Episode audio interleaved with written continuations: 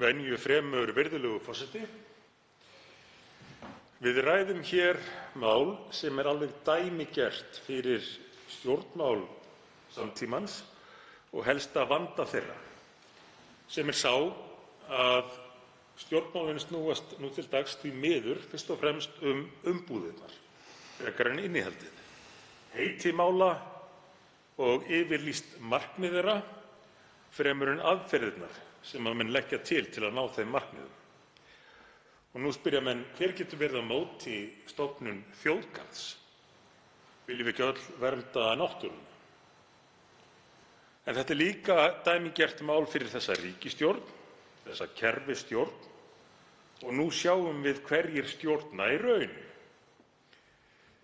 ef hæstv. forseti hafði ekki áttað sig á því, Vinstrihreyfingin – grænt framboð, því að hv. þingmenn Sjálfstæðisflokks og Framsóknarflokks hafa komið hér nokkrir í dag í umræðuna en ekki verið afdráttarlausir, þvert á móti reynt að á einhvern hátt afsaka það að þetta mál sé komið hér á dagskrá.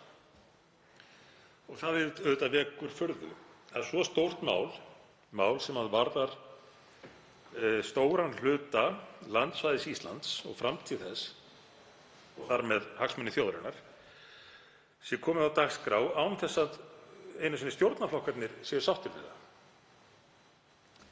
En aftur að þessu með merkimiðana, merkimiða eða stimplastjórnmálin,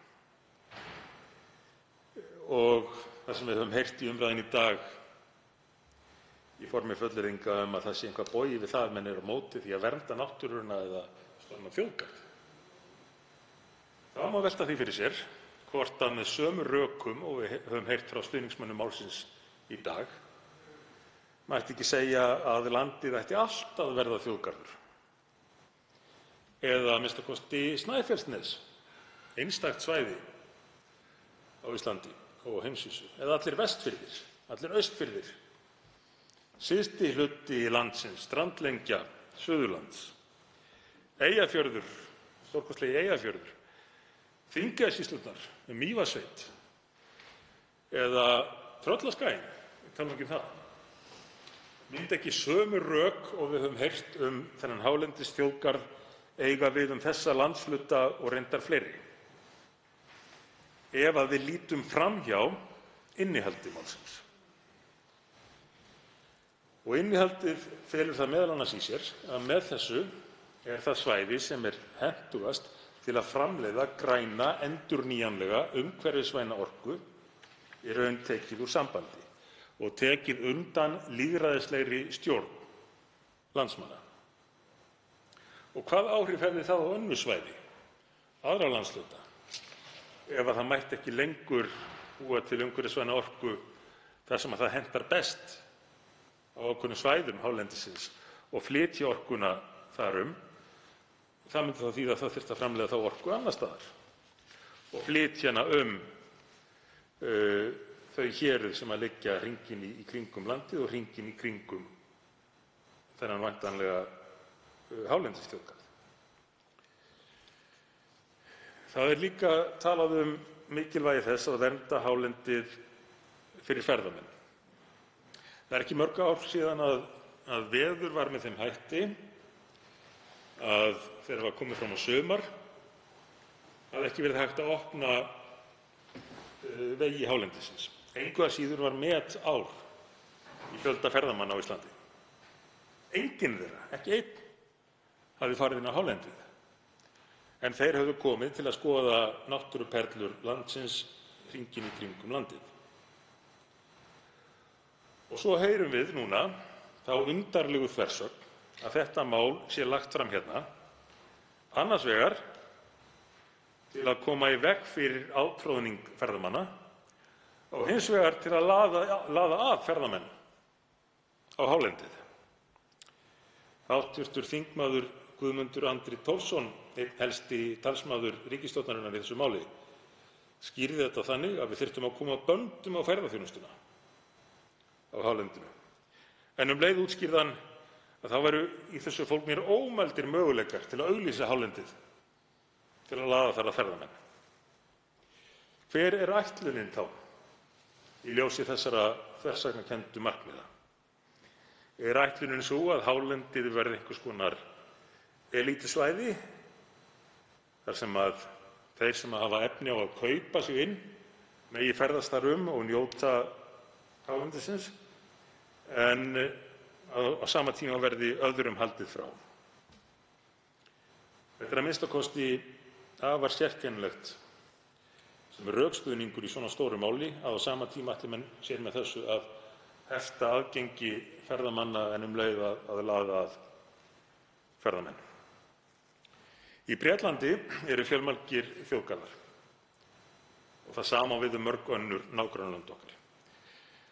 Þar eru bæir, stórir bæir jafnvel, vegir, orkuflutningar, flugvellir og svo mætti lengi telja.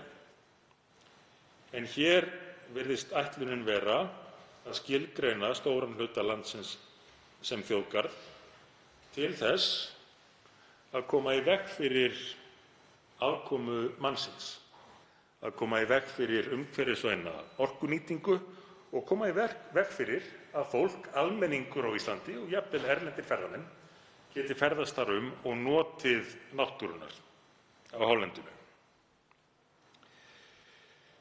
Viljum við frekar ráðast í alla uppbygginguna sem þarf utan hálendisins, reisa þar virkjanir og ráðast í orkuflutninga? Eru það ekki umhverfisspjöll, herra forseti, ef við förum í gegnum fegurstu svæði landsins utan hálendisins? Svo höfum við líka heyrt af umræðunni í dag að það er mjög mikill skortur á því að talsmenn málsins geti útskýrt þörfina fyrir þetta mál. Því að eins og hv. formaður umhverfis- og samgöngunefndar rakti ágætlega í sínu máli þá eru yfirlýst markmið þessa máls, það er þegar hægt að ná þeim án þessa frumvarps.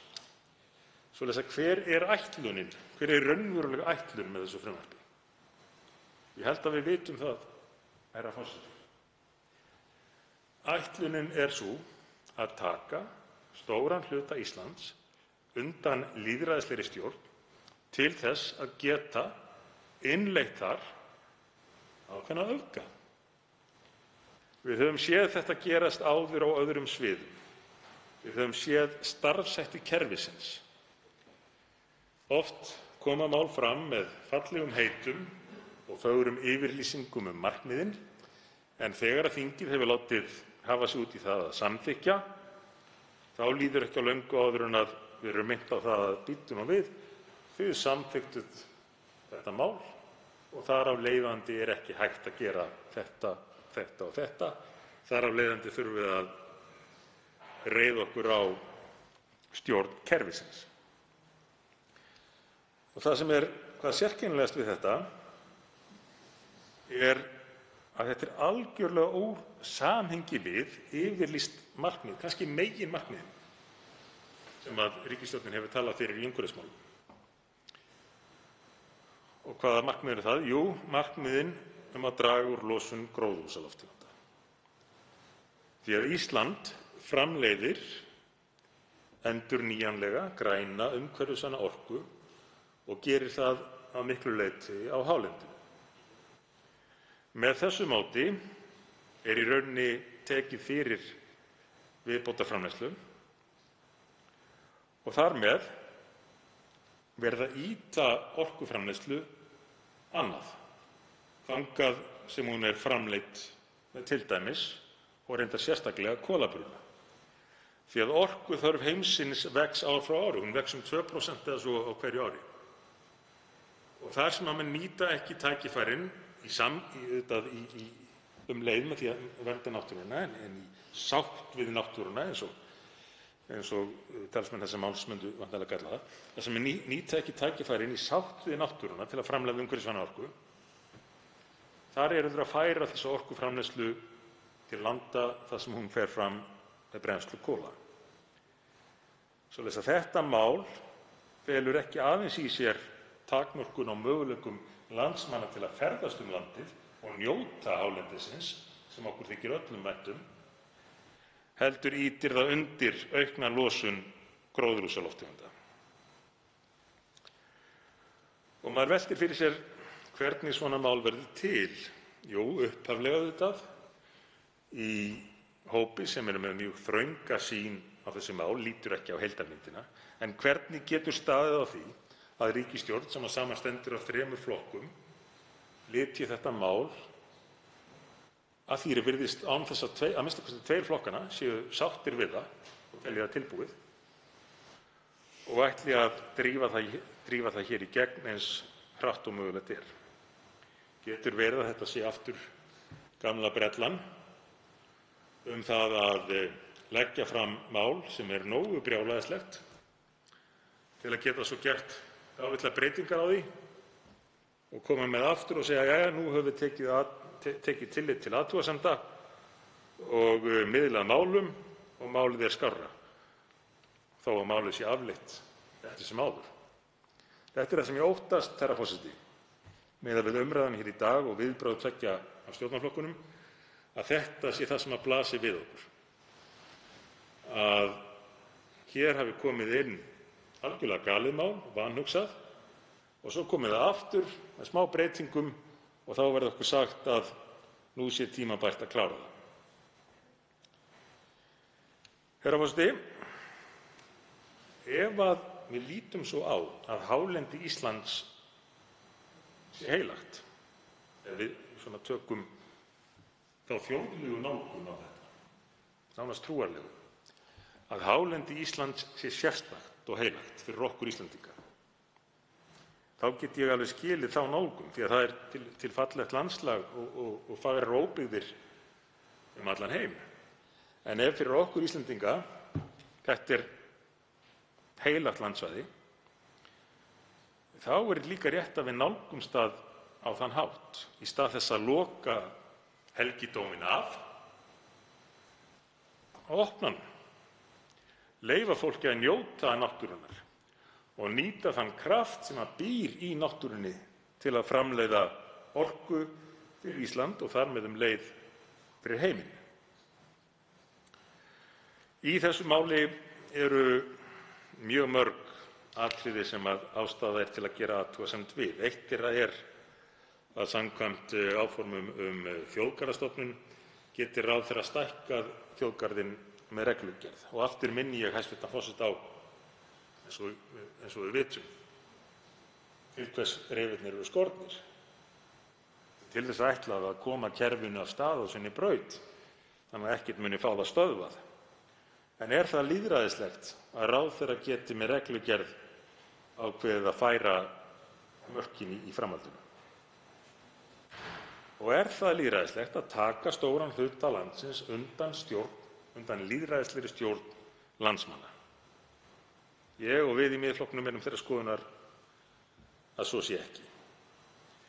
Nú þegar eru 70% orkunnar sem við framleiðum framleidd á hálendinu hér ræðum við frumvarp sem gerir ráð fyrir að taka hálendið inn í svokallaða IUCN-flokkun, flokk 2, sem mun einfaldlega þýða það að flutningur og framleiðsla orku verður ekki lengur heimil.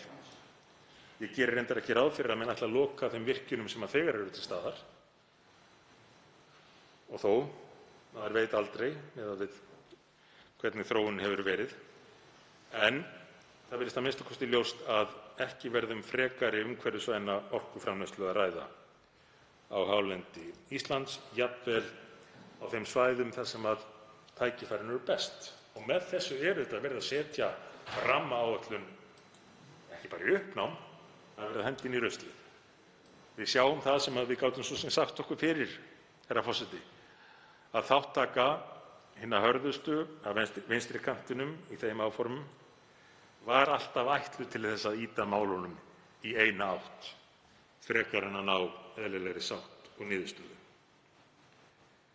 Þetta er gríðarlega stórt mál og nú verð ég að upplýsa hæstv. forseta um að ég er rétt að komast af stað með innganginn að upphafi ræðu minnar og verð því að biðja hæstv. forseta að setja mig aftur á mælendaskrá. Þá tekur til máls hv. 3. þm. Reykjavíkurkjördæmis norður,